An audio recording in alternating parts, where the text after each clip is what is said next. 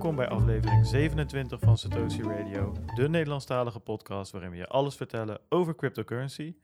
Ik ben Bart Mol en ik ben hier met Wijnand Luitjes. Ja, we zijn er gewoon weer bij, hè? We zijn er gewoon weer bij, inderdaad.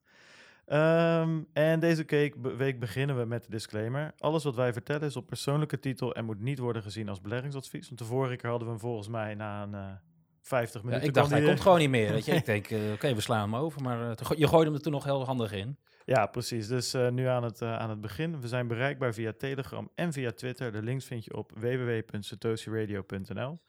Eh, je kan ons ook steunen op Patreon en de link vind je ook op de website. En bij deze willen wij onze eerste Bogdanov, onze eerste Patreon, Robin bedanken. Van harte bedankt, tof dat je ons steunt. En nou, we hopen dat er meer mensen bij gaan komen.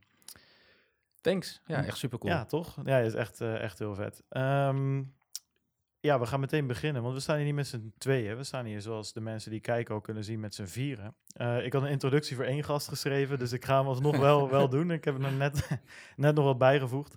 Maar onze gast van vandaag, die is eh, ja, jarenlang marinier geweest, voordat hij in 2012 met bitcoin in aanraking kwam. Eh, in deze tijd was het nog lastig om de munten aan te kopen, was er voor de rest weinig informatie beschikbaar. En ja, dat leed er eigenlijk toe om met twee andere eh bitplaats eh, te starten. Dit is later veranderd in Anycoin Direct. En ze zijn uitgegroeid tot een bedrijf met, eh, met 50 medewerkers en klanten vanuit de gehele EU. Ik heb het over Bram Selen. Bram, leuk dat je er bent. Ja, graag gedaan. Allereerst bedankt voor de uitnodiging. Ja, top. Nou, leuk. En, en we hebben Jos van Elsen, of Jos van Den Elsen erbij, strategy manager.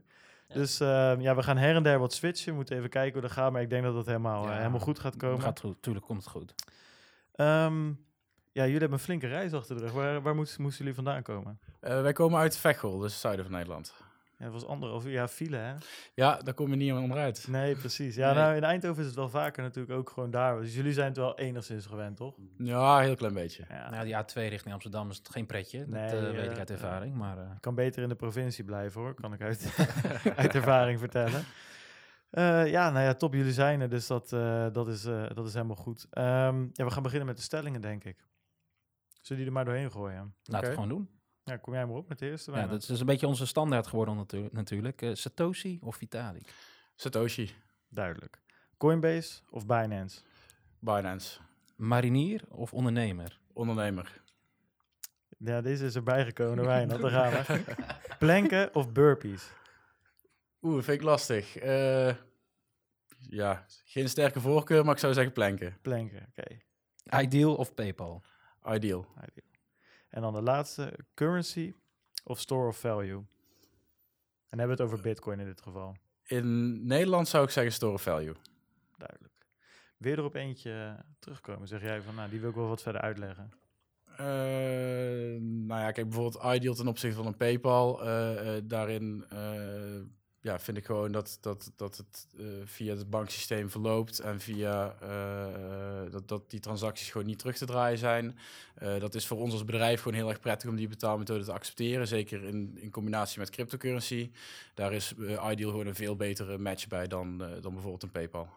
Ja, het is nooit ook echt doorgebroken in Nederland, heb ik het idee. Bij de massa dan. Zoals ID, Ideal gebruikt iedereen. Dat ja, ik gebruik denk ik persoonlijk meer PayPal dan Ideal. Maar Ja, gewoon ik dat ook. ik het makkelijker vind in, in de usage. En ik, ja, ik weet niet, ik vind het gewoon wat... eh, Ja, zelf Fancy, gebruik ik bij, bijna geen PayPal, gewoon puur omdat ik er de behoefte niet aan heb. Ideal werkt voor mij prima Ja. in alle, eh, alle webwinkels waar ik iets in wil bestellen. Dus ik zie zelf geen noodzaak eh, om privé PayPal te gebruiken. Nee, ik begon er ook mee toen ik in Engeland woonde. En toen was het wel heel erg handig. Ja, daar kan ik me wel voorstellen.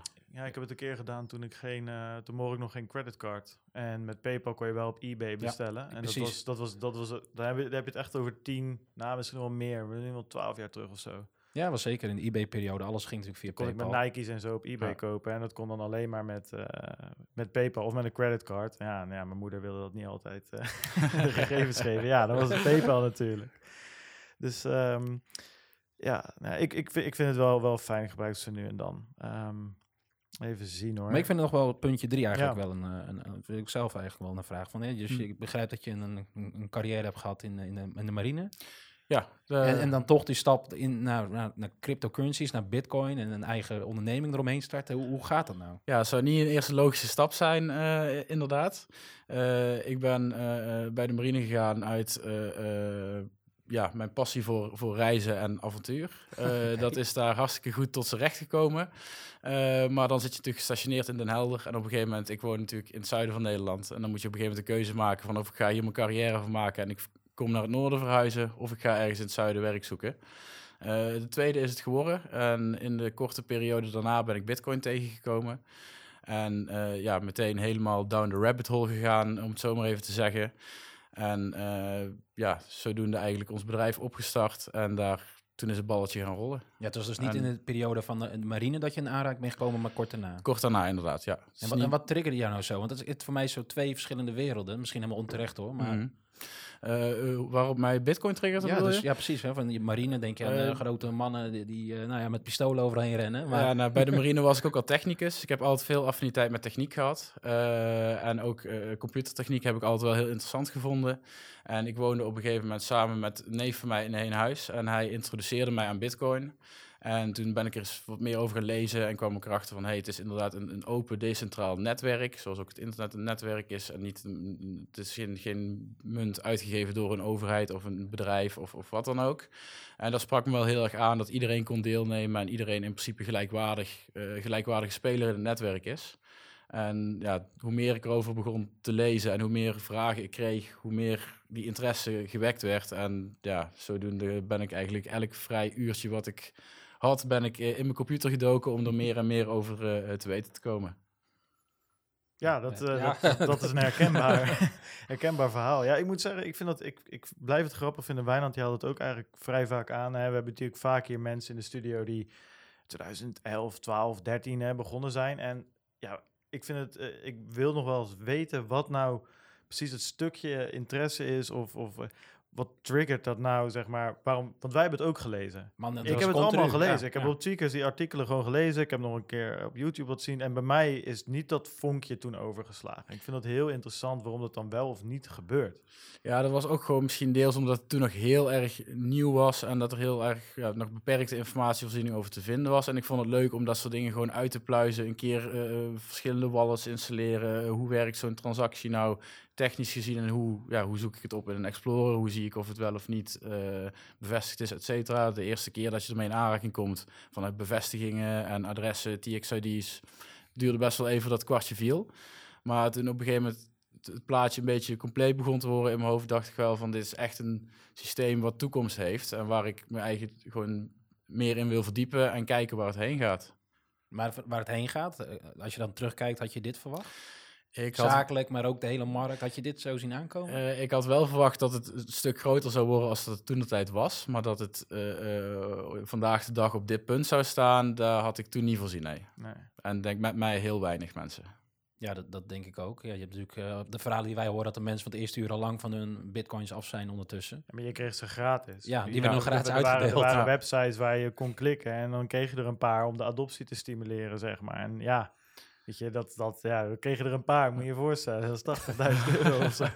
Ja, en als de waarde zo laag is, dan ga je er natuurlijk ook heel anders mee om dan. Ja, nee, Kijk, als, tuurlijk. als iets eh, eh, 10 cent waard is, dan eh, ja, als je het dan of kwijtraakt of je, je stuurt het inderdaad als een gift naar iemand toe om er kennis mee te maken, dan, dan, dan, dan doet dat je niet zoveel. En als je dan nou ooit terugkijkt, dan, dan ja, baal je soms wel. Maar aan de andere kant eh, heb je mensen wel de mogelijkheid gegeven om, om, om die stap te maken, om, het, om, om er iets van te leren en om te kijken van, hey, is het iets voor mij? Vind ik het interessant, ja of nee? Nee, precies. Het is wel, ik vind, die, ik vind, ik vind ik, met dat pizza-verhaal, het is een, een leuke anekdote, maar het, het zegt zo, zo weinig, zeg maar, weet je. Ja. Ehm, dus ik, ik ben het daar helemaal... Nou ja, het eh, blijft nog steeds een van de grootste waardestijgingen. hè, Van, eigenlijk van, van vrijwel niets naar, naar een pizza. En Ja. weet ik wel, 20.000 bitcoins, hoeveel was het? Ik weet, 10.000 Ja, volgens mij. uit mijn 10.000. het, het, het is wel de eerste keer dat, er echt, dat je er gewoon iets van kon kopen. Precies, Ja. alleen het wordt natuurlijk altijd aangehaald als, wow, wat zou die balen, weet je wel. Ja, wat, wat, eh, wat, wat wil je zeggen? Het is al zoveel uitgedeeld en weggegeven en ja... Waarschijnlijk heeft hij ze ook gratis eh, bemachtigd toen. Ja, dus hij heeft, hij heeft ook een gratis pizza gekregen. Als ik een gratis pizza krijg, dan word ik ook blij. Nou, wij ook. Ja, ja, ja. Wij hebben er laatst nog eentje gratis gekregen, namelijk van, eh, van een van onze luisteraars. Toen we de 200, eh 200 Telegram-leden aan, eh, aan hebben getikt. Dus nee, gratis pizza's, die doen het altijd goed eigenlijk. Ehm, ja, waar gaan we het deze week over hebben? We hebben natuurlijk het nieuws van de week, een paar nieuwtjes. Nou, ja, de marktupdate. Ik heb het nog steeds staan, blijft een onderdeel Het wordt van de steeds show. minder, maar- zie ik ook gewoon in onze voorbereiding. ja, het is even de prijs aanpassen en dan, eh, dan gaan we weer door. We hebben veel leukere dingen te bespreken, denk ik. Ehm, plus, hè, de SEC komt achter al die... eh, al die eh, Alle chillers aan. alle chillers aan, dus dat, dat doen we er niet in natuurlijk. Ehm, en daarna hebben we natuurlijk het onderwerp van de week. En dat is deze week: kunnen aanbieders van cryptocurrency voldoen aan wet en regelgeving? Dat is de grote vraag. En daar gaan we het, daar gaan we het over hebben straks met, met onze gasten. Eh, maar we beginnen met het nieuws. Wijnand, wat, eh, wat heb jij deze week eh, in de pocket? Ja, eigenlijk een Ethereum nieuwtje. Ik heb een paar uitzendingen terug, of misschien wel tien uitzendingen onderhand. Ik kan het tel ook niet meer helemaal bijhouden. Hadden we het erover dat Constantinopel, hè, dat is een grote upgrade, dat die delayed was. Omdat er tussen twee grote clients, je hebt Go Ethereum, oftewel Getty, of, of nee, wat zeg ik nou, Geth, en par Party. Eh, Parity. Ja. Eh, die, dus die ging iets niet helemaal goed in die wallets. Hè. Dus er verscheen een, een, ja, een, een soort hard fork, wat niet gewild was. Dus de twee clients hadden niet meer dezelfde waarheid. Eh, maar goed, ze zijn er heel hard mee bezig geweest en ze schijnen het gefixt te hebben. En er was deze week, of eigenlijk eind vorige week, was er een, een call, was er een gathering van de developers. En die hebben toen besloten om in een blok eh, 7 miljoen, even kijken, ik ga iets dichter bij het scherm, als ik het goed zeg, ja, 7 miljoen 80.000, om daar het, eigenlijk de upgrade door te voeren. Eh, nou, misschien best wel positief, maar wat betekent deze upgrade nou, upgrade nou eigenlijk? Is dat ze ook de mining reward eh, omlaag gingen halen, hè, van 3 Ethereum per blok eh, naar 2. Eh, wat we toen ook bespraken is natuurlijk dat gewoon een behoorlijke aanwas per jaar was. En dat Ethereum een van de grootste was eh, daarmee. Ja, de inflatie lag veel hoger dan dat ze verwacht hadden in eerste nou, wel, misschien wel verwacht hadden, maar dat het met de, huid- de hedendaagse token matrix gewoon niet handig is op deze termijn door te groeien. Maar volgens mij had Vitalik toen aangegeven van dat hij dat niet helemaal op deze manier had zien aankomen. Maar dat was natuurlijk ook midden in die bullrun die zo, zo enorm hard ging dat, dat, eh, dat ik me dat wel kan voorstellen. Maar ja, nou, dat dus dat is nu, eh, ze verwachten dat eh, per medio januari dus ook op mainnet live te brengen. Dus ik ben erg benieuwd. Het is altijd een beetje spannend. En gelijktijdig of iets een week ervoor doen ze het op de, op de, op de testnet. Eh, dus ik denk, eh, ja, ik hou het gewoon weer in de gaten, want ik vind het toch wel, eh, wel spannend. Maar is, is, die, is die mining reward aanpassing, is dat het enige wat erin zit? Of zit er Ja, nog ze zijn, die, nou, dat is wel een van de grotere. Ehm, je hebt nog meerdere kleinere fixes, begreep ik. En ze zijn ook, wat in die call wel ging, dat komt niet per se in dezezelfde upgrade. Je zit toch te kijken naar die proof of work eh, mechanisme. Ehm, ze zijn daarmee bezig om te kijken, want je hebt natuurlijk speciale miners, die ASIC miners. En eigenlijk zullen ze kijken om daar de, de macht weg te nemen. Eh, want wat is nou het gevaar? Is dat degene met enorm veel ASIC miners eh, macht over het netwerk krijgt. maar bij Ethereum eh, kan je toch nog niet minen met ASIC miners? Dat is een goede. Nou, volgens mij, volgens mij kan dat wel, toch? Nou, volgens mij zijn juist al die, die, die, die GPU-mining sets, dat zijn ja, dat. hè, je- kijk, een ASIC miner is natuurlijk zo'n kastje die die, die bit meemaakt, die Ja. alleen maar in principe kunnen minen. En volgens mij bij Ethereum was het zo dat je dus van die enorme GPU-kasten hebt met 20 videokaarten erin of 30 of whatever. Daardoor kon geen enkele gamer meer een, een computer in Ja. elkaar zetten vorig jaar. ja. En eh, daar kan je dan mee Ethereum minen. Eh, maar dat was dus nog niet zo dat dat een echt dedicated eh, chip was. Ja, dat is goed dat, dat is goed dat je zegt. Ik, ik had even snel door die GitHub upgrade gekeken, dus misschien heb ik het verkeerd geïnterpreteed. Maar in ieder geval zijn ze er naartoe aan het werken. En letterlijk wat ik hier zie staan is ASIC resistance. Ja. Eh, ja, vandaar dat ik dat even snel aannam, zonder nou helemaal verdiept te hebben. Ik weet niet of Nou, kijk, nou, meer van ik- weet misschien. Dit maar- onderwerp heb ik me dus persoonlijk niet verdiept, dus hier kan ik geen toevoeging op geven. Nou, ik zie hier wel wat jij schrijft. Ook een van de punten hè, die je denk ik gekopieerd hebt is resistance centralization of eh, proof of work mining power such that these coins couldn't be so easily manipulated. Precies. En dat is natuurlijk, hè, in principe, hè, komt het natuurlijk wel op hetzelfde neer. Als ik heel veel geld heb, koop ik een enorme berg met van die videokaarten. Zet ik ze ergens in de hok bij een een of andere stuwdam of zo. Of bij een zonne, zonnepanelen farm.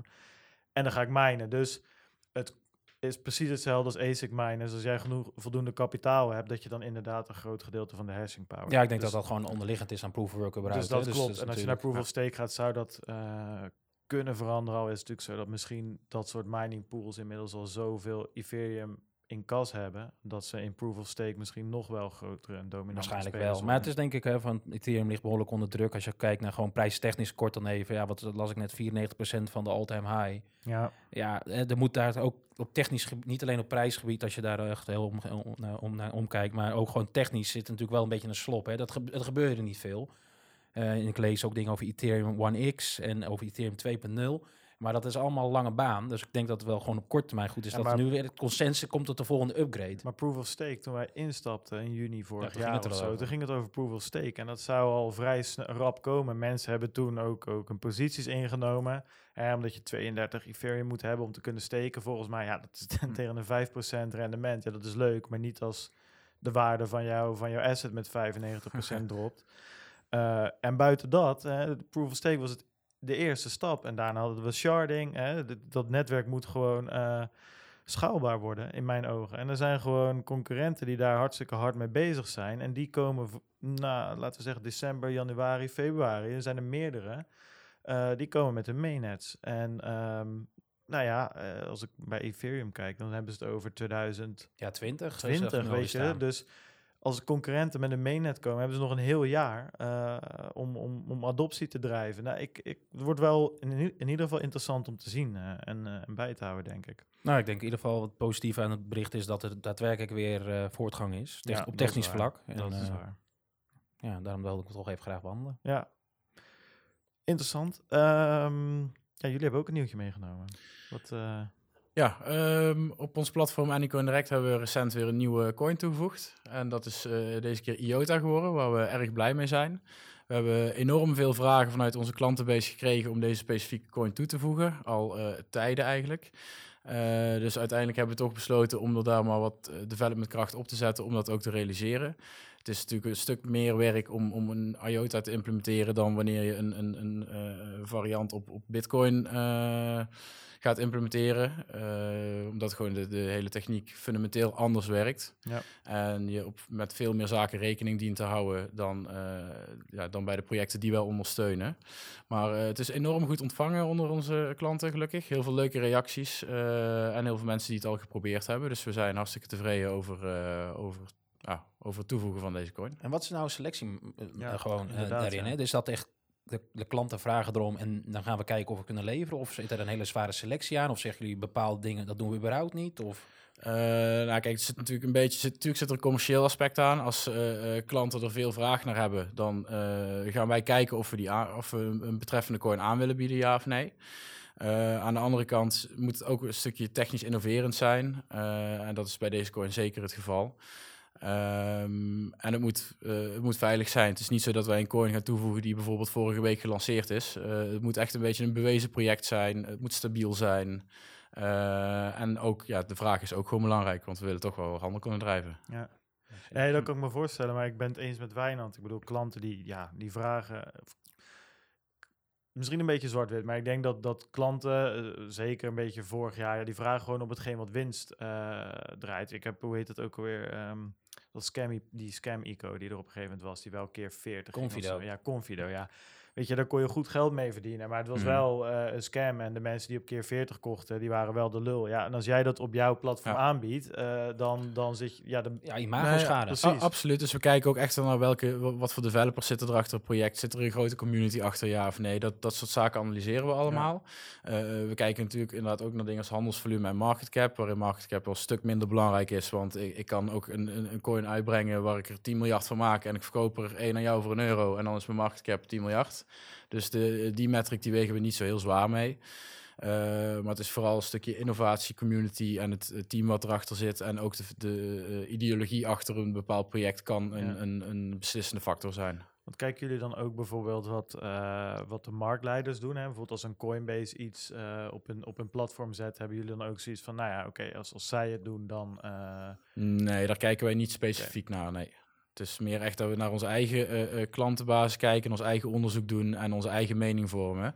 En we gaan niet, eh, omdat toevallig een andere partij iets gedaan heeft, hun maar volgen. Wij maken graag onze eigen mening op Ja. en eh, eh, volgen die. Moet wel Nee, ja.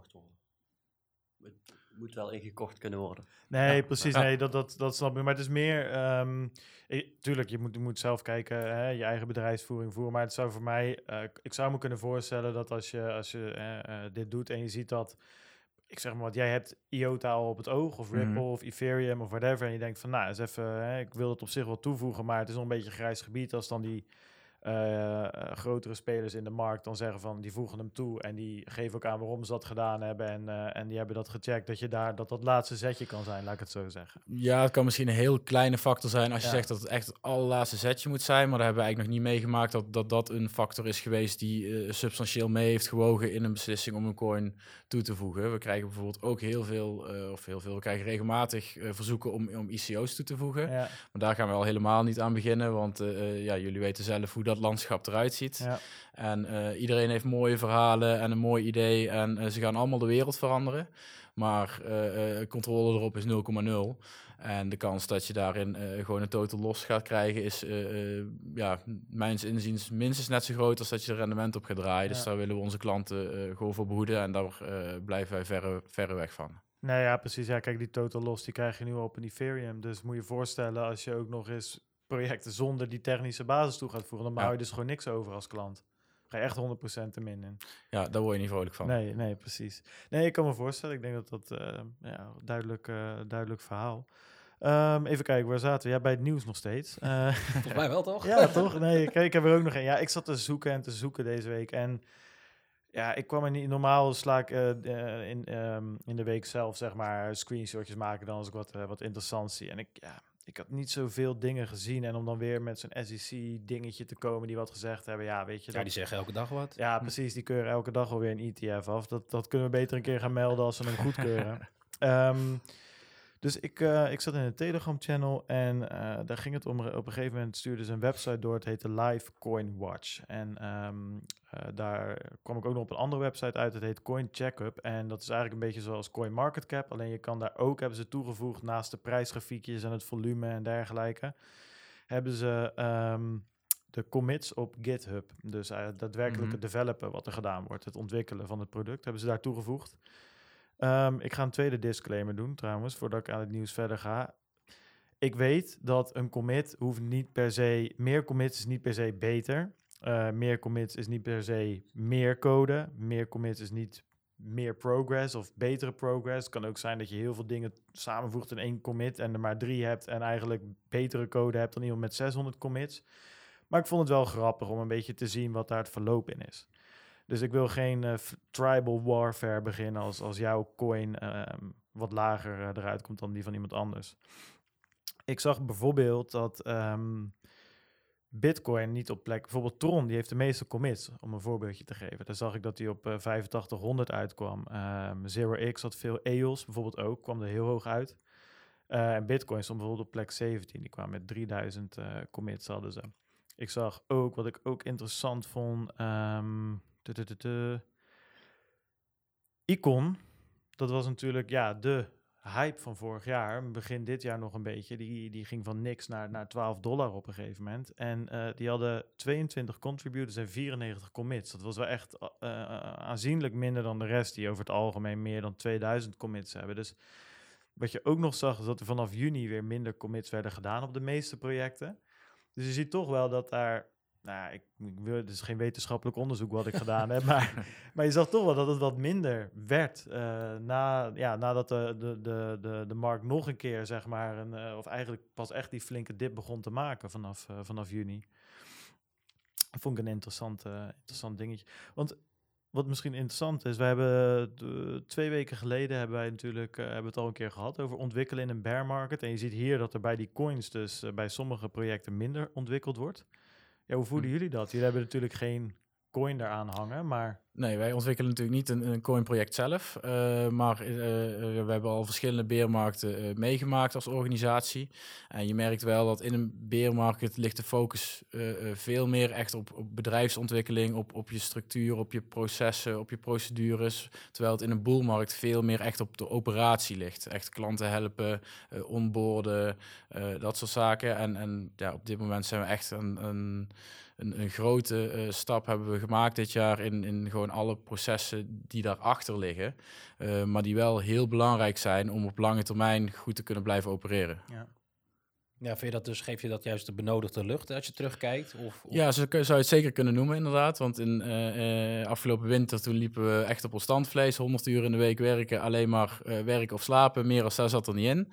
En dan, dan was het ook echt puur op die operatie dus gericht. Dus je kon heel erg weinig focussen op, op, je, op je, je, personeel als, als, als persoonlijke ontwikkeling. Of hoe bouw je je afdelingen goed op.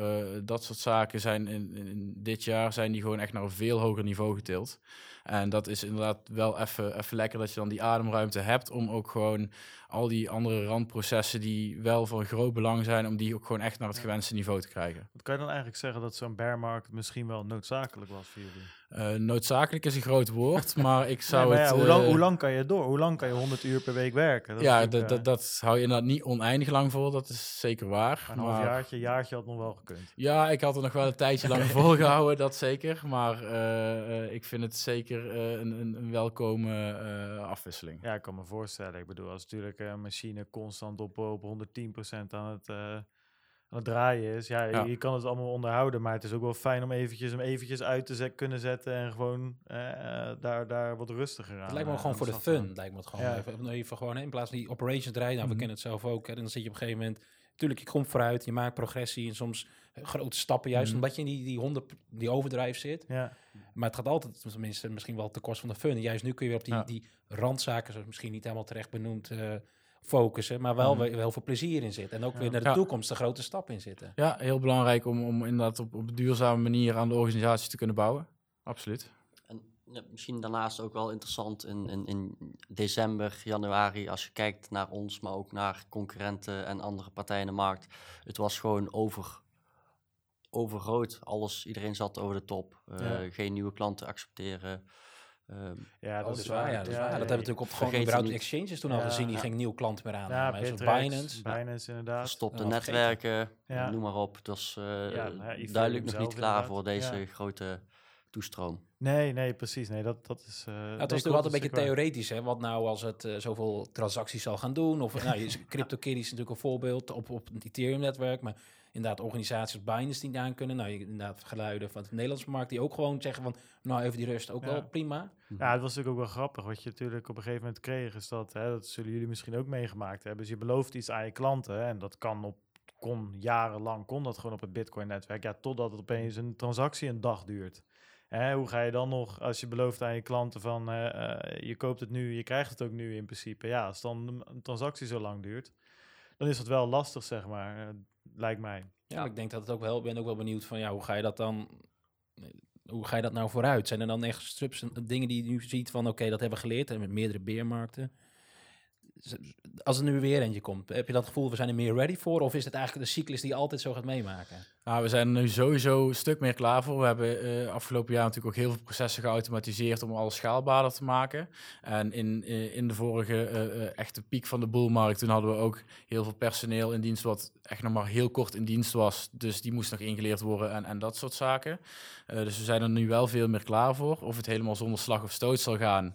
Dat is natuurlijk altijd af te wachten, want als jij in één keer keer 10 gaat in je bezoekersaantallen en in je transacties, dan ga je bepaalde groeipijntjes krijgen. Maar we hebben er wel voor gezorgd dat het in ieder geval niet meer eh, eh, zo'n grote impact zal hebben als wat het in december had. We zullen het nou een stuk beter aan moeten kunnen. En wat vind je nou als je terugkijkt op die periode, voordat we denk ik doorgaan even naar marktupdate, Ja, nou het leukste, hebben alle tijd. leukste om terug te kijken? Wat vond je nou het meest, waar je denkt van zo, dat is, daar ben ik het meest trots op?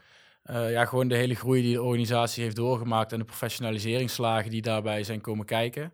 Eh, het zijn grote uitdagingen geweest die niet altijd even soepel gegaan zijn, maar uiteindelijk zijn we er gewoon eh, een stuk beter uitgekomen en eh, de organisatie staat gewoon een stuk strakker eh, eh, in, in zowel eh, op, op personeelsgebied als proceduregebied als compliancegebied, gewoon over de hele breedte. Ja. En gewoon dat, dat bouwen, eh, dat vind ik gewoon geweldig. Ja, het is ook gewoon vet om, om, om 60 uur met z'n allen gewoon de keihard te knallen. En toch aan het einde van de dag net bij te kunnen te geraken met, met de klanten die je hebt geholpen. Ja.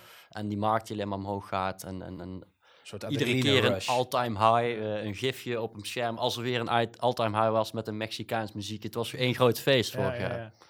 Ja, ja, kijk, ik, ik bedoel, wij hebben ook wel eens weken van 60 euro gedraaid. Maar ik kan me voorstellen, als het ook nog iets eh, aan iets is wat, wat voelt alsof het van jezelf, of in ieder geval wat van jezelf is.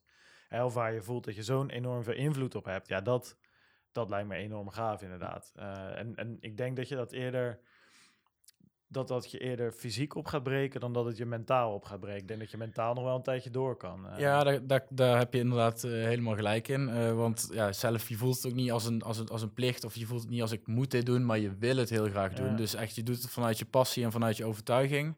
Eh, maar je merkt inderdaad wel dat je wel sneller moe wordt. Je krijgt ooit een korte lontje. dat soort zaken, daar kom je dan inderdaad niet onderuit. Maar, als niet.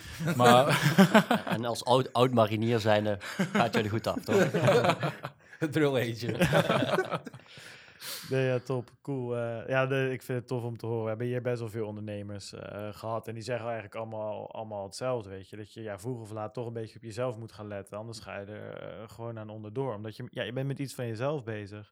Bedoel, wij doen deze podcast ernaast. Maar ja, dan zit je toch ook elke keer weer dingetjes erbij te doen. En dit weer eh, te maken en weer te ja, stiekem gaat er meer tijd in zitten dan dat je in eerste instantie voorzien had. Ja, Absoluut. precies. En zeker als het dan een beetje gaat lopen en mensen blijken het leuk te vinden of tof te vinden, ja, dan, dan dat werkt als een soort van, van Ja, dat werkt als een katalysator. Ja, als je elke keer die goede reacties krijgt, dan, dan er is niks gavers dan dat je iets op de markt brengt. En mensen zijn er gewoon laaiend enthousiast erover. Ja. Dat geeft gewoon zo'n boost en kick. Dan blijf je maar doorgaan en doorgaan. En ja, zeker als, als die markt alleen maar blijft gaan en gaan, dan, dan zit je echt gewoon in zo'n positieve visuele cirkel, zeg maar, die niet op lijkt te houden. En dan ja, op een gegeven moment is dat dan toch natuurlijk het geval. Eh, maar ja, dat is wel echt een van de eh, mooiste jaren die ik heb mee mogen maken, eh, zakelijk gezien. Ja, Ja. dat kan ik wel goed begrijpen. Ja, nee, ja, ik ook. Ik, eh, ik kan me het heel goed voorstellen. Ehm, ja, de marktupdate, waren. We moeten hem natuurlijk wel gaan doen. Want ik heb hier ook deze week iets ingestopt dat ik wel echt even wil benoemen, omdat het heel cool is. Ja. Eh, mijn eerste prijs, eh 3418 eh, dollar, was vorige week 3641.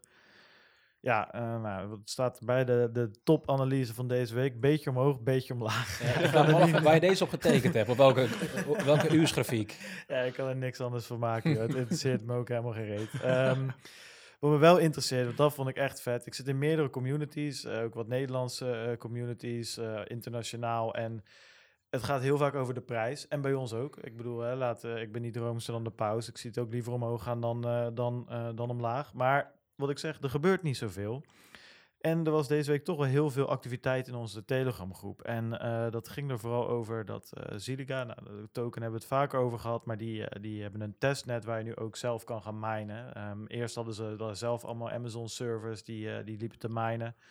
En nu kan je dat zelf vanuit thuis gaan doen. Dus daar, ehm, ja, Wijnand en ik wilden daar wel mee aan de slag. En er is heel veel interesse vanuit de groep. En een van onze community members, Mies, die heeft dus een, een guide geschreven daarvoor, helemaal zelf. Ja, op een virtual machine geloof ik dat hij het heeft Ja, dat ging, dat was een, een gids om Ziliga te gemijnen op een virtual machine. Ja, ja, fucking gruwelijk, kan er niks anders van zeggen. Echt, echt. Ik zat het te lezen, denk van ja, dit is zo vet dat iemand in de community dat doet. Eh, tweede persoon, Vito, nou, die, eh, ja, die doet zakelijk ook wel dingen met, eh, met mining, maar die is ook, mm, ja, die zit ook alleen maar iedereen uit te leggen hoe het werkt, wat je moet doen. Ik heb hem een screenshotje gestuurd wat er bij mij niet werkte. Ja, dat is echt, hè, we hebben het net over, hè, wat, wat geef je nou zo'n eh, zo'n zo'n kick? Wat is nou zo'n katalysator? Ja, als ik dit, als ik, soms ben ik een dag veel aan het werk, kan ik niet kijken, check ik mijn telegram, zie ik 31 eh, gemiste berichten, ehm, of ongelezen berichten, en dan denk je van, nou, dat zijn ze gifjes of Moon of Ben Lambo. en dan ga je kijken en heeft iemand een gids geschreven hoe je op een virtual machine Ziliga moet gaan minen. Ja, dat is, dat is echt ongekend. Dus eh, dat wilde uh, Wijnand, die, die zei dat ook even van, joh, dit moeten we erin stoppen, want die shout-out willen we ook even geven. Dat is, eh, dat is waarom we het eigenlijk gedaan hebben. Nou, En, ik, eh, dat, dat, dat, als ik dan hè, dat, gewoon dat hoor, dat verhaal nu weer van hoe, waarom, waarom je bent begonnen, denk ik, ja, vanuit het technische aspect hoor ik Ja. duidelijk. Hè. En ik vind dat, dat, daar word ik ook in het begin, wij werden een beetje ingetrokken door de, de, de charme van de trading en alles. Maar ik begin ook steeds meer naar die tech te gaan. Dus juist dat vind ik cool. En dan op van een USB-stickje Ubuntu gaan draaien en allemaal packages erbij trekken en weet ik veel wat. Ja, dat vind ik gewoon cool. En dan lading errors wegwerken.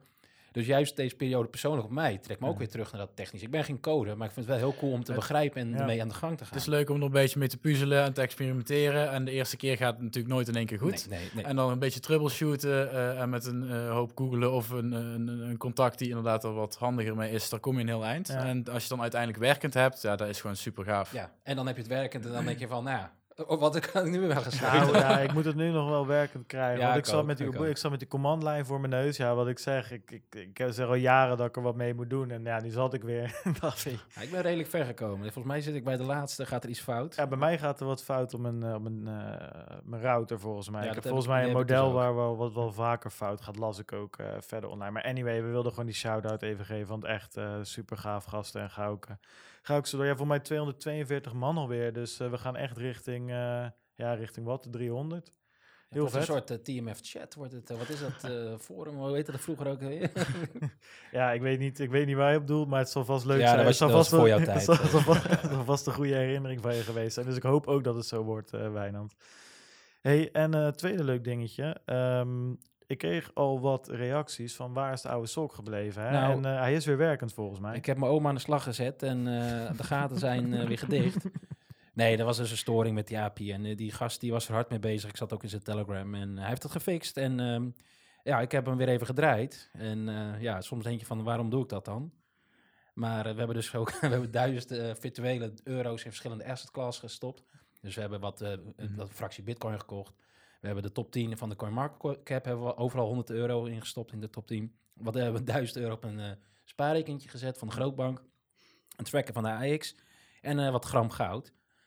Ehm, nou ja, gewoon om te kijken op de lange termijn. Hè. Wat, Mhm. wat gaat het nou zijn? Want op de korte termijn zien we heel fluctuaties. Maar vooral over een jaar misschien Ja. terugkijken van... Nou, wat was nou het beste om te investeren? Nou, zeg het maar. Ja, nou, ik kan je vertellen dat spaarrekening gaat rustig door. 10 cent eh, rendement. Dat staat nog in het goed. En de goud die, eh, die staat ook gewoon eh, net de 4% in de plus. Ja, maar Ja. wat viel er echt op? Ja, nou ja, de AX die gaat ook zelf onderuit. Hè. Eh, die staat op 888 euro, dus ook daar gaan we onderuit. Maar ja, als je je 1000 euro had belegd in de top 10 van CoinMarketCap, dan hou je nu nog 440 euro over. Ja, dat is natuurlijk niet, eh, niet heel best. En de Bitcoin zelf hou je nog 540 euro over. Ja, maar let wel, we zijn hier twee maanden terug mee begonnen. Hè? Dus Ja. niet vorig jaar december of zo, twee maanden terug. Mhm. En het is gewoon alsnog door de helft gegaan. Toen dit zat, dacht ik wel, want toen die nog werkte, die, uh, die zaten we rond de API, toen 800, zaten we rond de Ja. 800, Ja. 900 of zo. Dus we Ja. zijn sinds drie, vier weken terug gewoon nog een keer eh 30 procent Ja, en ik heb gecheckt of het aan de API lag, maar die, eh, die werkt. Dus eh, nee, daar kan ik niet blamen. Maar ik denk, ik ben weer blij dat hij doet. Maar eh, ja, minder blij met de resultaten. Ja, nou ja, dan, dan eh, gaan we dat weer in de gaten houden. Eh, ik zie hier nog een eh, grafiek staan. Wil je die nog behandelen? Ja, ik, twee weken terug begon ik geloof ik over die hash rate. Hè, dat we die sinds, eh, sinds lange tijd zien droppen. En hij dropt ook significant, begint hij nu te gaan. Ik, ik haal hem van blockchain.com. Daar heb je gewoon een, een hash, hash rate grafiek. Die eigenlijk stabiel, nou, redelijk mooi omhoog liep. Tot aan drie maanden terug ging hij een beetje plat op zijn top. En hij begint nu echt wel hard te dalen. Dus ja, ik heb een heel klein plaatje. Het is niet heel handig. Maar volgens mij zitten we nu echt terug op april dit jaar. Ja. Ja, Ehm, zoiets, ja. Ja, dus dat is echt, echt een significant eh, daling. En we zien natuurlijk, we hebben het al vaak behandeld. En ook een gebruiker die jou aangaf van ja, dat zijn nepplaatjes van al die miners op de straat en zo. Maar het lijkt nu wel vanuit echt mining perspectief dat als je nu je miner aan hebt staan, in ieder geval op Bitcoin, hè, dus daadwerkelijk Mhm. wel, nou ja, misschien zou kunnen denken dat je low break-even gaat zitten. Ja, nou ja, kijk, hier is het gewoon zo, die, die hashing power gaat omlaag. Ja. Dus mensen hebben hun miners uitgezet. Ja. En wie dat dan zijn, ja, dat, dat, dat, dat kunnen we ook niet zeggen. Maar dat er dus minder miners aanstaan, dat is, eh, dat is duidelijk. Ja, en het ding is, eh, we hadden daar best wel een goed artikel, werd er deze week gepost. Dat was van Bitmax eh, Research. Ja. En ehm, ja, die zeiden in principe hè, dat, dat je als je voor een bepaald eh, bedrag je stroom krijgt, of koopt eigenlijk, dan, dan kon je nog eh, positief staan. Maar dat lag net, net boven elkaar. Hè? Dat was nog net break-even. Ja, en als je dan je huur erbij moet optellen en nog andere dingen erbij Machines moet optellen, precies, dan, dan zou je best wel eens negatief kunnen komen. Dus ja, en dan is de vraag, die discussie hebben we al een paar keer gehad in de, in de groep ook. ehm, ja, als jij erin gelooft en je denkt dat het, eh, dat het ooit 20, 30, 40 eh, of 100.000 dollar gaat worden, ja, dan mijn je door. Maar dat is wel een risico. En dan is het de vraag of dat een gezonde bedrijfsvoering is. Maar hopen dat het ooit een keer hoger wordt. En dat kan je niet tot altijd voor, eh, in de eeuwigheid volhouden. Dan moet je toch echt een geldreserve hebben. Maar dat lijkt me dan ook weer stug. Als jij, dan, als jij gelooft dat bitcoin ooit wat gaat worden, dan heb je niet een paar maanden geleden je bitcoin. Ja, goed, de eerste miners wist natuurlijk ook nooit. Hè. Dus die had namelijk ook dat risico uit Ja. en enthousiasme. Dus ik denk dat de Klopt, community ook zeker. wordt gedreven door heel veel mensen die nog steeds enthousiast zijn van ik wil bijdragen aan de community. En dat dit wel laat zien, degene die eh, zeker op het laatste moment hash power hebben toegevoegd, nu eigenlijk denken van ja, ik, ik zat die duidelijk voor de prijs. Ik zet hem lekker uit. En als die straks Ik zet hem wel in de schuur. Ja, maar je hebt het hier over mining farms. Daar word je Ja, dat moet wel. dat- Dit- dat- dit dat zijn geen individuele Nee, gebruikers. Weet je, en die zullen best inderdaad ooit eens begonnen zijn als, als fanatiekeling, zeg maar. Maar inmiddels, als jij, als jij een hele schuur vol met miners hebt staan, dan kan je niet meer zomaar even, dan ben je gewoon een business aan het draaien, een fabriek. Eens, ja. En ehm, weet je, Henry Ford, die was ook met auto's begonnen te bouwen, omdat hij het waarschijnlijk mooi spul vond. Maar ja, als jouw fabriek verlies draait, dan gaat hij gewoon uit. eh, Of dicht. Dus ja, nou ja, ik... ehm, we, gaan het zien. Dat eh, meer kan ik niet over zeggen. Hebben jullie daar nog een... eh, Nou, ik denk dat je zal zien dat de, de, de plek op aarde waar de energie natuurlijk het duurst is, daar gaat als eerste miner uit. Ja. op, op, op de hobby miner na die eh, heel kleinschalig bezig is. En doordat er een aantal miners uitgaan, wordt de rest ook weer iets rendabeler. Maar met dergelijke prijsdalingen zul je altijd, zeker mensen die of inderdaad wat je zegt, eh, heel laat miningapparatuur gekocht hebben toen de prijs giga hoog stond, die nou denken van, hm, dat is toch, eh, eh, ja, ga ik hem toch niet aanzetten. Ehm, en het is inderdaad wat je zegt, als je gaat verlies draaien op, op minen, daar eh, kun je een paar dagen volhouden, misschien een paar weken. Maar dan is nog steeds de meest rendabele keuze die miner uitzetten. En in plaats van die, die, die kosten op stroom te maken, dan kun je beter de bitcoin direct kopen. Ja. Dan, Ja, dan heb je meer, meer bitcoin voor, voor je geld. Eh, je hebt natuurlijk nog steeds je huur en je personeel, maar daar kun je dan een potje mee gaan voetballen of zo. Tafelvoetbal. Ja, of je kan ze als callcenter laten, laten werken of zo. Hè? Dan je ze gewoon om. Ehm, ja, nee, ja, ik, de- goede toevoeging. Nee, ik, ik ben heel benieuwd. Ik, ehm, ik leer er een hoop van, want ik word elke week weer, eh, weer teruggefloten door een paar fanatieke miners die zeggen, nee, dit, eh, dit heb je verkeerd gezien. Dus dat, ehm, ik steek er een hoop van op. Maar ik blijf erbij dat als je als bedrijf verlies draait, dat je vroeg of laat gewoon de deuren moet sluiten. Of je nou fan bent van Bitcoin of niet. Maar goed, die discussie voer ik eh, vraag, graag verder in de, in de chat. Ja, Wijnand, het sentiment, heb je het nog aangepast deze week of is het weer nog steeds... Winterslaap. Ik ben benieuwd of jij in de zomer nog steeds in je winterslaap ligt. Nou ja, dat, eh, waarschijnlijk wel. ja, dat gaan we zien. Nee, ik, Nee, eh, ik, lig, eh, ik lig inmiddels lekker lepel, lepeltje, lepeltje naast je, want... eh, ja, nou ja, ik wit, wit, wit, wit- nou, ik weet niet of ik daar moet blij zijn. Nou ja, ik kan mij een vakantie herinneren, Wijnand, toen we, toen, toen we twee weken lang heerlijk gelegen. Drie Ja, weken dat, lang dat is zelfs. waar, dat is waar. Ik heb eh, de witte vlag, ik geef me over. Ik, eh, nou, ik geef me maar, ik zit te lezen, ik helemaal niet. Mijn ledger die, eh, die gaat mee mijn graf in als het, eh, als het moet. Dus eh, ik, ik blijf vasthouden tot, tot we weer omhoog gaan. Maar we gaan door naar het onderwerp van de week. En dat is, kunnen aanbieders van cryptocurrency voldoen aan wet en regelgeving? Want, Wijnand, jij, nou ja, ik heb het ook gezien, maar jij hebt je ingelezen. Er is een artikel verschenen deze week, zag het op Tweakers langskomen. En kun jij eens vertellen wat daar kort in stond? Nou, die tweakers refereerden naar een, een Rijksoverheid ja, gepubliceerd artikel. En eigenlijk een wetswijzigingvoorstel. Eh, nou, dat brengen ze dan ter stemming. Of ja, te- daar kun je nog, het is discussie. Hè? Dus je kunt er als markt of mensen kun je de reactie op geven. Dat kan dan wel open, dat het geopenbaar wordt of je doet het gewoon eh, ja, behind closed doors, dat het niet gepubliceerd wordt. Ja. Nou, en daar hebben ze eigenlijk ehm, een, een, een, een heel eh, 40 pagina aan uiteengezet wat ze eigenlijk willen. En het heeft niet alleen toepassing op de cryptomarkt. hè. Het gaat ook over anonieme prepaid cards. En het gaat over als je kunst eh, verkoopt boven bepaalde waarden. Het is veel breder dan alleen crypto. Ja. Alleen ze, ze benoemen gewoon de, de, eh, de digitale valuta specifiek. Hè, ze hebben het ook over de, de handelshuizen, ze hebben het over de custodians. Dus het is heel duidelijk natuurlijk waar het, waar het Mhm. over gaat. En wat eigenlijk, eh, waar ze ook mee beginnen eigenlijk, dat hier bijvoorbeeld met 20 pagina's gewijd wordt en een, een, een één pagina over het kunstartikel. Ja. Ehm, dus ik denk dat het juist heel interessant is om te gaan kijken, ook met Bram, om te gaan kijken, ja, hoe, gaan jullie daarmee om? En ik hoorde je al zeggen, Mhm. we hebben heel hard gewerkt juist aan die compliance. Ja. Even één, één ding Oh, eh, om toe te voegen. Eh, het gaat dus om de eh, wet ter voorkoming van witwassen en financieren. Juist. Toch? Ja, Ja, de W- WFT. WWFT. Ja, hè, dus dat is heel belangrijk ook, dat halen ze zelf aan. We gaan, ze- we gaan niet een, een wetsvoorstel doen op de crypto zelf. Hè. De crypto moet verboden worden of alle techniek eronder. Dat is helemaal niet goed. Ze willen eigenlijk de, de, ja, dat witwassen voorkomen. Hè. Dus of Dus het, eigenlijk de huidige Ja. wet die er al is, eigenlijk meer... Uitbreiden. Ja, Kijken waar die toepasbaar is op cryptocurrency. ja. Ja. en eigenlijk wat ik nu is, dat ze bijna gewoon letterlijk pakken en zeggen, oké, dit kopiëren dit op de, op de cryptomarkt. Ja. Hè. En ik snap dat eh, vanuit, vanuit papierwerk best wel eenvoudig kan. Hè, want ja, het is valuta, het moet Mhm. allemaal kunnen. En, ik, en van techniek weten we enigszins. Dus ik denk dat het een mooie vanuit Bram kan zijn van ja, we zijn best met compliance, maar hoe kijken we hier naar tegenaan? En niet op de details, Mhm. dus, dus dat hebben we wel gezegd. Maar gewoon de grotere lijnen van ja, hoe kijken jullie tegenaan en hoe wordt, wordt dit dan bij jullie gebracht? En, en hoe worden jullie bij betrokken? Ik denk dat. eh, Ja, wat zijn... eh, want ik kan me voorstellen dat dit niet uit de lucht komt vallen, dit soort wetgeving. Dus kan, ja, ik denk dat jullie daar al mee bezig zijn geweest. Wat hebben jullie nou al wat doen jullie eigenlijk al op dit gebied? Uh, nou, we zijn al uh, heel lang hebben we de focus liggen op ons voorbereiden op toekomstige wet en regelgeving. Waar wij ook heel blij mee zijn als bedrijf dat er nou in ieder geval uh, concrete stappen gemaakt gaan worden. We zijn zelf al sinds 2014 met een aantal andere bitcoin verkopende partijen in Nederland hebben we de VBNL opgericht, de Verenigde Bitcoin Bedrijven Nederland. En met als doel om echt het voorkomen van fraude, witwassen, terrorismefinanciering en alles wat maar vervelend is, wat kan plaatsvinden op een platform als het onze.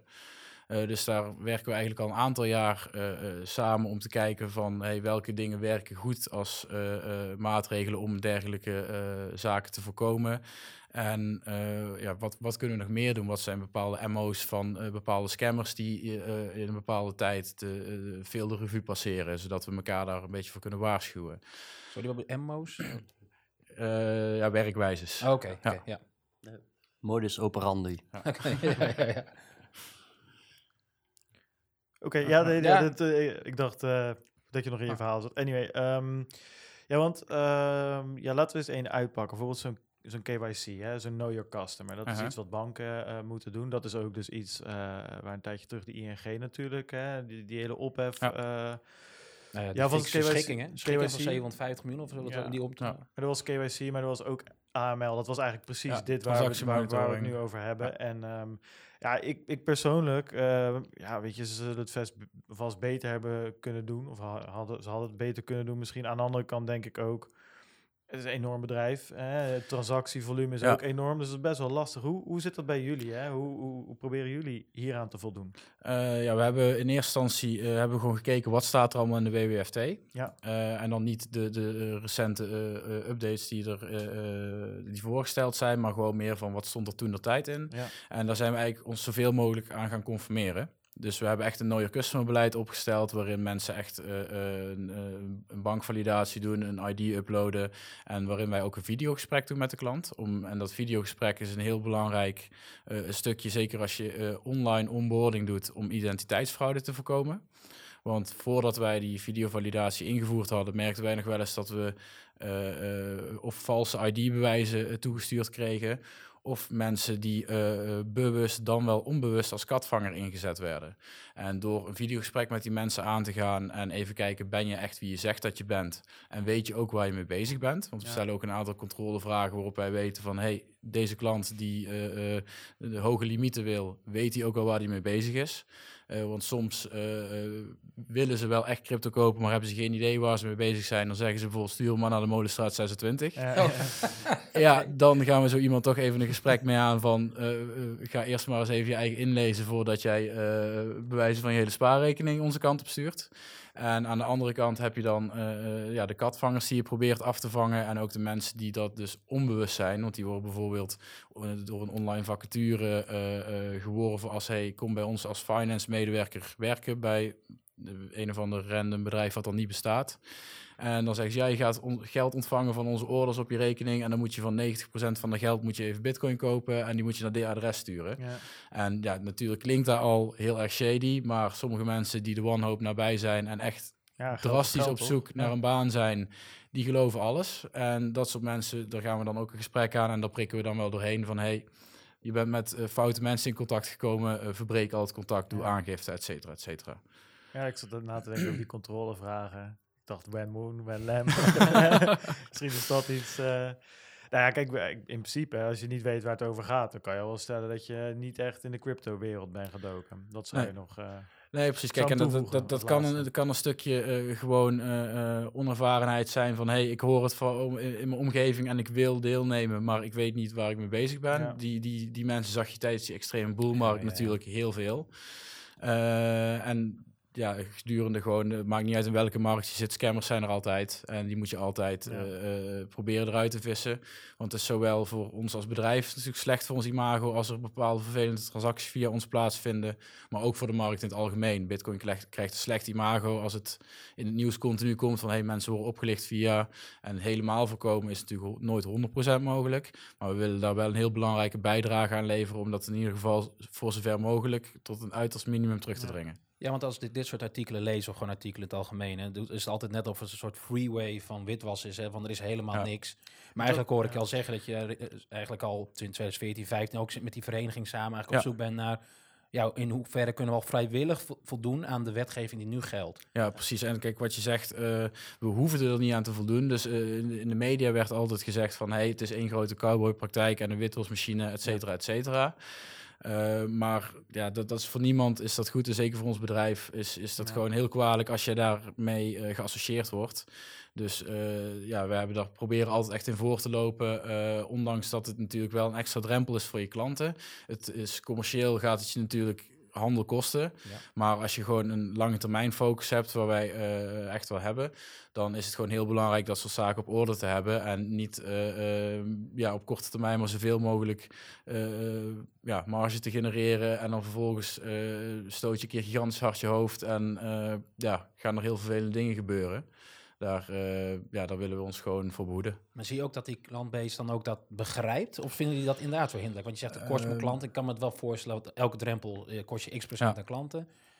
Ja, maar de- of begrijpt eigenlijk de hele markt het wel? De meeste mensen zijn er heel begripvol voor. Je hebt er natuurlijk altijd iemand bij zitten die eh, vindt het maar onzin en heeft zoiets van ja, maar Bitcoin is toch eh, anoniem, dus waarom moet ik me valideren? Eh, en je krijgt een hele hoop smoesjes naar je toe van waarom mensen het vervelend vinden. En natuurlijk dus de, de oplichters zelf, die proberen natuurlijk ook altijd druk te leggen van hé, hey, dat is toch niet nodig? Of die proberen komen met allerlei mooie verhalen aan of smoesjes waarom, het, waarom zij niet die stappen hoeven lopen die iedereen anders wel moet lopen. Ja, daar prik je dan op een gegeven moment zo doorheen.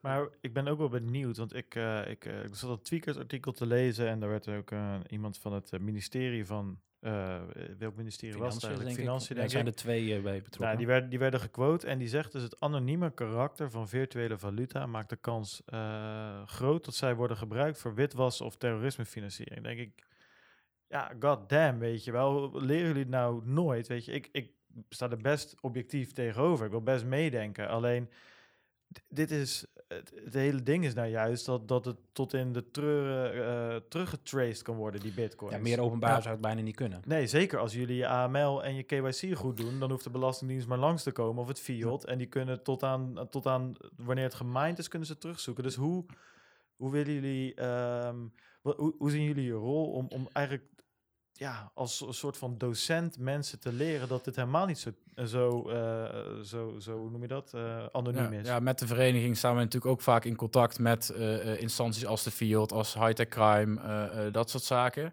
Dus die hebben wij zeker in de begindagen van de vereniging, hebben wij die dit soort kennis echt bij moeten brengen. Eh, de kennisniveaus zijn op dit moment wel eh, vele malen hoger dan Ja. dat ze toen de tijd waren.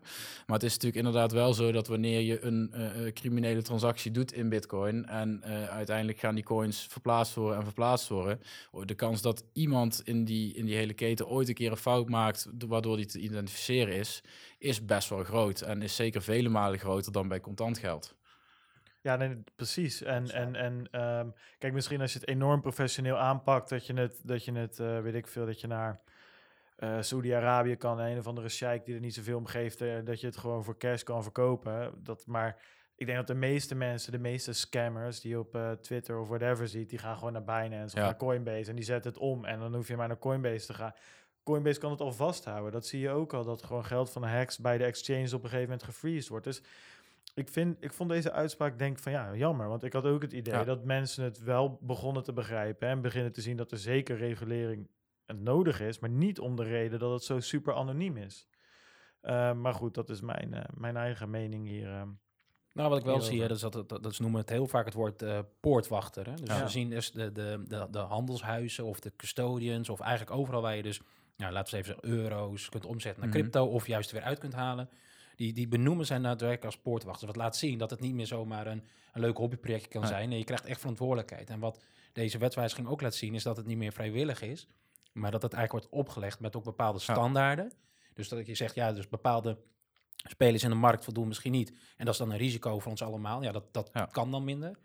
Ehm, en het, het moet veel meer aantoonbaar zijn, hè, wat je doet. En, en ik ben benieuwd meer vanuit je bedrijfsvoering van, ja, hoe kijk je daar dan tegenaan? Ehm, ja, wij zijn zelf natuurlijk daar al heel lang de focus op aan leggen. En eh, het is ook heel logisch dat die stappen gemaakt moeten worden. Want als je eh, eh, als cryptocurrency echt een, een, grote rol gaat spelen in het wereldwijde betalingssysteem, zul je aan bepaalde wet en regelgeving moeten conformeren. Maar het is wel belangrijk om daar inderdaad niet te hard in door te drijven. Want hetgene, uh, de, de, de, de echt slimme boeven die, die eventueel wel uh, terrorisme zou financieren, die gaan niet via ons kopen. Die gaan inderdaad, wat je zegt, ergens naar of een of andere sheik in een of ander land uh, grote met geld brengen. Of die gaan zijn coins kopen van, de, van een dark market dealer of wat dan ook. Ja. Die, ja, die raken die, die, die poortwachters nooit aan. Of in ieder geval de mensen die het substantieel doen, die zullen die poortwachters nooit aanraken. Dus ik ben bang dat het ja, beperkt effectief is, maar ik zie het belang er wel heel erg van in. Dus ik sta er wel heel erg achter. Alleen uh, ja, de wet en regelgeving moet niet uh, de illusie hebben dat het 100% sluitend te krijgen is. Nee. Nee, in deze markt, ja, hoeft hoeveel anonieme exchanges of decentralized exchanges waar we vaak over hebben natuurlijk. Ja, je kunt natuurlijk van alles doen, mixes, bitcoin mixes, je kunt cross-blockchain mixen, weet ik het allemaal niet. Dus er zijn heel veel tal van trucjes uh, die toegepast kunnen worden. En aan de andere kant, als je ziet dat geldstromen zich zo bewegen, ja, dan moet je ook afvragen, hey, wil ik wil ik daar wel iets mee, mee te maken hebben. Ja. En ik denk dat je daar dan in, als je zelf uh, uh, gewoon naar eer en geweten handelt, dan denk ik dat je daar niks mee te maken nee, wil hebben. Nee, dat, dat denk, ik, denk ik ook trouwens hoor. Uh, maar wat jij ook, um, je hebt het nu over intern, wat jullie intern mm -hmm. doen. En daar wil ik ook nog even een kleine switch maken, want we hebben natuurlijk ook Jos staan. En hey. die staat er niet voor niks bij. Want we hebben voor de aflevering, um, ja, zeiden jullie eigenlijk hè, van nou, Jos die is intern wat meer bezig, um, omdat je, je bent intern natuurlijk bezig als strategy manager en een van jou, de dingen waar jij mee bezig houdt is het risk en compliance gedeelte, maar ook intern. Klopt. Um, ja, en wat ik nog wilde vragen, en Wijnand haak vooral in uh, als, als jij daar uh, nog iets uh, meer over weten of iets anders over weten. Maar ik denk om te beginnen wat, wat, wel, wat wel leuk is. Jullie zijn gegroeid. -hmm. Best wel flink, neem ik aan. Hè? 50 las ik in een interview, maar misschien is dat al meer inmiddels. Nou, het is wel wat minder geworden, omdat ook natuurlijk ook minder. deze markt, wij zijn een full service bedrijf. Um, customer support is een belangrijk onderdeel, ja, met name in het ja, leren van hoe gebruik je nou een private key. Ja. Uh, het is wat minder druk als in januari, dus we hebben wel het af moeten schaden. Maar um, misschien even terugkomen op je vraag. Uh, ja, grote schalen uh, van een klein clubje waarin je heel veel, um, of veel weinig op papier hebt, heel veel elkaar leert via via aan één bureautje. Dat moet anders als jij met 40 man zit. En zeker als je dingen als compliance, als risk wat beter wil organiseren. Ja. Um, eigenlijk zijn er vanaf het begin af aan al heel veel uh, tools geautomatiseerd ingebouwd om zulke KYC te doen. Dus um, uh, ja, het bekijken van de ID's, het uh, doen van zijn videoverificatie, maar ook het monitoren van transacties, binnenkomende gelden. misschien een mooi voorbeeldje, Ideal in het begin. Um, die transacties komen altijd aan. Voor ons als risico klein, want men doet een transactie, wij ontvangen sowieso het geld dus wij kunnen ook direct de cryptocurrency sturen. Uh, er zijn betaalmethodes waarbij die garantie niet altijd even uh, hard is. Um, daarvoor zijn gewoon tools ingebouwd, zodat wij uh, ja, een bepaalde riskscore geven aan bepaalde bankinstellingen en zodoende weten of we de ja, transactie direct kunnen doen, ja of nee. Dus er zijn heel wat interessante ontwikkelingen ook. Bijvoorbeeld misschien de, transactiemonitoring, money laundry. Zijn tools, Chainalysis, misschien jullie wel bekend. Ja. Er zijn tools waarmee je dus ook de transacties binnen het Bitcoin-netwerk kunt kijken. Hey, waar komen ze vandaan? Oh, Wat ja, voor risicoclassificering ja, zit eraan? En, en, en moeten wij daar iets mee? En hoe neem je dan gewoon zo'n grote club van medewerkers mee? Hè? Want je, je krijgt dus inderdaad 40 pagina's aan wetgeving waar eigenlijk al jaren over gepraat wordt. En er zit een grote historie en opeens word je een poortwachter genoemd. En Misschien komt er nog een keer een accountant langs. En er komt straks een vervelende accountant langs die is uh, allerlei uh, documentatie wil zien. Maar hoe ga je daar als organisatie dan mee om? Nou, op tijd mee beginnen, denk ik. En uh, um, wat ik zei toen ik er kwam, uh, die samenwerking met VBNL, uh, die was er al. Ze hebben eigenlijk ook een basis van de WFT gebruikt om ja, een paar gedragscodes op te stellen. geen cash accepteren helpt ook wel mee. dat maakt natuurlijk dat alle transacties die je ontvangt altijd van een, vanuit een, voor ons dan, Europese bank komt. Um, zodoende zit er al een soort van poortwacht ertussen. Um, en daarbij eh, is gewoon heel erg belangrijk dat je beleid schrijft en die beleidsstukken eh, duidelijk communiceert naar je medewerkers in eh, hapklare werkinstructies. Ja. Waarom doe je wat? Waarom is het belangrijk dat een vrouw boven de 40 eh, die een coin wil kopen, even gecheckt moet worden en gevraagd moet worden: hey, waarom wil je die nou kopen? En, en, en wat zijn signalen waar je op moet letten als zo'n persoon wil kopen, dat het allemaal legit is? Ja, omdat jullie in principe kijken wat jullie populatie is van mensen die, Ja. die, die vaak coins kopen. Wat inderdaad, wat vast geloof, zullen vaak mannen zijn tussen de 20 en 30 of zoiets in die richting. Dus als, als je daar buiten valt, eh, een jongen van 12 zeg maar, die zou dus daar ook uitgepikt worden. Om ervoor, ja, die mag natuurlijk waarschijnlijk Mag bij ons niet kopen, maar ehm, inderdaad, je kunt op basis van een aantal factoren gewoon een, een risicoprofiel schetsen. En, en zodoende daar Ja. ook ehm, eh, ja, kijken of je daar eh, een nader onderzoek moet doen. En, en dat soort dingen, hè? Dit, soort, eh, dit, dit, dit soort leeftijdschecks eigenlijk, maar ook ehm, later in, het, in, in jullie aan- en, verkoopproces, zeg maar. Iemand maakt geld over, er komt geld binnen bij jullie. Jullie gaan met dat geld waarschijnlijk op een exchange weer, eh, weer kopen. Dat komt weer naar jullie, er zitten wallets van jullie tussen, moet weer terug naar een klant. Dat zijn allemaal stappen. Zou je helemaal handmatig kunnen doen? Kan je ook helemaal automatiseren? Op welk level zitten jullie daar? Ehm, eh, ongeveer, is dat helemaal geautomatiseerd of... of Ja, grotendeels wel. Ja. En uiteindelijk eh, eh, deze markt, ja, decentrale karakter, innovatie op, op, op, op software. Het, het- hoe meer je kunt automatiseren, hoe meer je kunt Ja. schalen. En, en naarmate de marges op nu of later kleiner worden, moet je natuurlijk zorgen dat je gewoon efficiënter wordt. ja, precies. En maar dan werkt het dan ook gewoon. Hè? Dus eh, vanuit technisch aspect eh, zorgt het tot innovatie. Maar ik kan ook zorgen. Kijk, als je weer een, een, een, een- opeens een, een lading aan, aan, aan druk van compliance krijgt. Dat het ook wel gewoon op, misschien op je motivatie. Merk je daar wat van? Of is het, ja, ja goed, misschien niet, de juiste persoon om te vragen. Denk ik Hè, ook. maar maar ik, veel bedrijven, denk ik gewoon, en dan kijk ik ook naar traditionele instellingen. eh, maar ook gewoon, dat- ik denk dat de cryptomarkt niet anders is. Dat het toch als een last wordt gezien. Zeker. maar als ik je zo hoor praten, jullie beiden, dan eh, is dat niet helemaal waar voor jullie. Het gevoel krijg ik niet. Dat je ook, het is ook een soort concurrentievoordeel. Of het Ja. is ook een imago helpt het mee. Maar Ja, beide. Eh, eh, kijk, enerzijds loop je gewoon het risico dat als er eh, eh, fraude wordt gepleegd over je systemen, dat je zodoende ook of slecht in het nieuws komt of ehm, eh, dat je geld kwijtraakt. Hè. Eh, er zal maar eens een bank geld tegenhouden en je zal maar eens het cryptobedrag al verstuurd hebben. Ja. Eh, zodoende eh, ja, is gewoon keihard verlies. Ehm, dus in die zin, ehm, inderdaad, het is wel een ding. Eh, ik, ik, ik vond het belangrijk en gelukkig zijn de ondernemers eh, zelf ook eh, van dat niveau dat ze zien, hey, voor een goede, duurzame toekomst moeten we hier gewoon hard aan gaan trekken. Want zodoende ja, maak je straks wel het onderscheid. Ja, dus- ja, ja, ik denk, ja, nou, ik denk, ik denk dat dat. Ik ben het helemaal met, met Wijnand eens. Ik bedoel, wij zijn van beroep, doen we dit. Ja. Ik bedoel, wij, wij, wij, wij, wij, wij zijn IT-auditors, beide ook gewoon. We hebben die opleiding gedaan. Ik bedoel, we zijn het oprecht. En eh, ik denk dat het, je moet een balans vinden daarin. Ik bedoel, je kan je helemaal vol stoppen met, met compliance dingen. Ja. En er allemaal handmatig aan willen voldoen. Overal beleidstukken voor gaan, voor gaan schrijven. En dat is niet in mijn ogen niet the way to go. En, en als je op slimme manieren dingen kan automatiseren, dan denk ik dat je daar in je bedrijfsprocessen op vooruit gaat, plus in je compliance. Eh, in je compliance, ook als jij bepaalde controles, hè, als jullie, ik neem aan, jullie doen ook uitbetalingen, of jullie moeten crypto's verkopen of aankopen. Nou, als je daar, weet ik veel, twee mensen hebt die daarnaar moeten kijken en je aut- automatiseert het in je backend systeem, ja, dat kan je gewoon aan een accountant laten zien en die vindt dat prima, weet je wel. En voor jezelf is dat ook top, want je kan niet een een of andere medewerker hebben die op een dag besluit jouw hele ja, de groeten. cold, cold wallet leeg te trekken en, eh en Dat, lekker naar of Curaçao een te slechte dag zo. hebben, dus even niet zo scherp zijn en precies. zodoende wellicht iets Ja, eh, fingers inderdaad. Ja. Nee, dus ja, ik weet niet hoe jij daar... Nou, ik merk tegen- mezelf dat ik heel vaak eh, in, in- erin trap dat ik dus hè, het cowboy gehalte van de hele markt en Twitter en Telegram met, met gifjes zomaar plot op eigenlijk de Nederlandse crypto aanbieders of, of handelshuizen. Dat ik altijd het gevoel heb van dat, dat is gewoon de markt. En eigenlijk hoe meer ik me inlees en ook meer eh, verhalen die ik dan over hoor, dan, dan is het eigenlijk al niet. Hè. Dus vanuit vereniging al eigenlijk willen samen, of tenminste proactief gaan werken met de, huidige wetgeving, terwijl je niet aan hoeft te voldoen. Daar heb je compliance stuk, compliance afdeling, risk managers, eh, allemaal automatische tooling.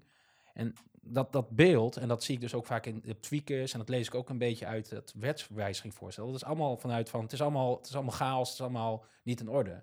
En dat, dat idee, dat, dat, dat, dat, dat klopt gewoon volgens mij niet helemaal. En vooral denk ik juist dat er dus een vereniging is, Ja, dat vind ik best wel, best wel Ja, we hebben natuurlijk eh, Robert gehad. Ja, eh, precies. Een paar weken terug. Die Ja. had het er ook al over. Ik kijk ze nu en dan eens ga ik eens even blockchain vacatures kijken. Je ziet gewoon, er worden compliance officers aangenomen. Eh, de- de- mensen zijn ermee bezig. En ehm, ja, eh, dat is best wel lastig. Zeker, ik bedoel dat. Maar dat is, ehm, ik denk dat, dat, niet, dat je dat niet moet plotten op de crypto-markt. Ik denk dat je dat moet plotten op de start-up markt.